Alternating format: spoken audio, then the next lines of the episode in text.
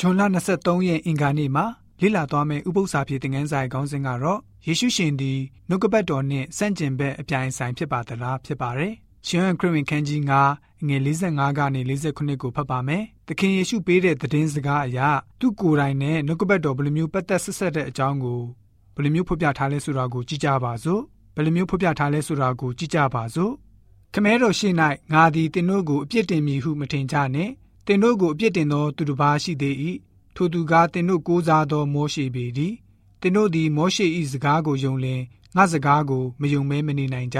အကြောင်းမူကားမောရှေသည်ငါအကြောင်းကိုရေးထား၏သူရေးထားသောစာကိုတင်တို့သည်မယုံလင်ငါစကားကိုအဘယ်သို့ယုံနိုင်မည်နည်းဟုယူဒလူတို့အားမိန့်တော်မူ၏ဆိုပြီးတော့ဖော်ပြထားပါတယ်တချို့သူတွေဟာဆိုလို့ရှိရင်ယေရှုရှင်ပြောတဲ့စကားတွေမှာနှုတ်ကပတ်တော်ထက်ကျော်လွန်သွားတယ်လို့ပြောတတ်ကြပါတယ် ဓမ္မဟောင်းအချိန်နှုတ်ကပတ်တော်ရေးသားထားချက်တွေကို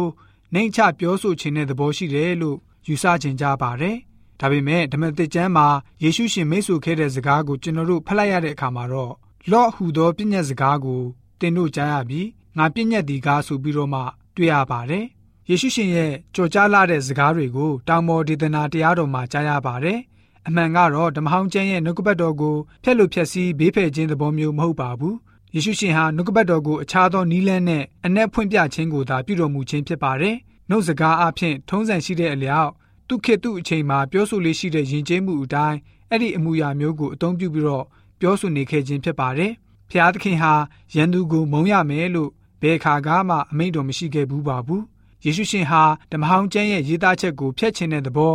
နှိမ့်ချပြောတဲ့သဘောလုံးဝမရှိပါဘူး။ဓမ္မဟောင်းကျမ်းက ယေရှုရှင်ကိုယ်တိုင်ဘယ်သူဘယ်ဝါဖြစ်တဲ့အကြောင်းကိုတသက်ခံထားပြီးဖြစ်ပါတယ်။ဖျားရှင်ရဲ့မူလသဘောတော်ဘယ်လိုမျိုးရှိတဲ့အကြောင်းကိုသာယေရှုရှင်ဟာကျွန်တော်တို့ကိုညွှန်ပြအတည်ပြုခြင်းပဲဖြစ်ပါတယ်။ယေရှုရှင်ရဲ့အမိတ်အာဏာစကားကိုကြံဖန်ထောက်ပြီးတော့ကျမ်းစာမှားတဲ့အကြောင်းကျမ်းစာဟာဆိုရင်ရှေ့နောက်မညီတဲ့အကြောင်း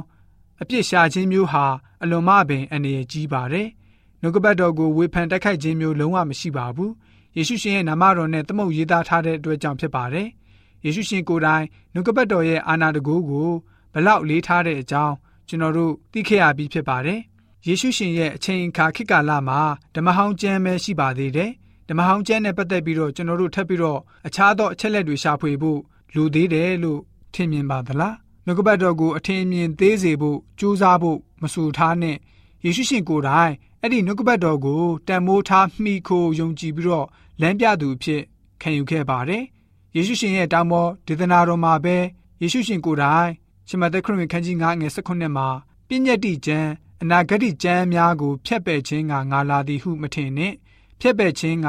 ငါလာသည်မဟုတ်ပြည့်စုံစေခြင်းကငါလာသည်ဆိုပြီးတော့တွေ့ရပါတယ်ပြီးတော့ဘယ်လိုမျိုးဆက်ပြီးတော့မိတ်တော်မူထားလဲဆိုတော့ရှမသက်ခရစ်ခန်းကြီး9ငယ်19မှာထို့ကြောင့်အကျဉ်သူသည် အငယ်ဆုံးသောပြည့်ညက်တစ်ခုကိုကိုယ်တိုင်လွန်ကျူး၍သူတို့ဘာတို့အားလည်းထို့အတူတွင်တင်၏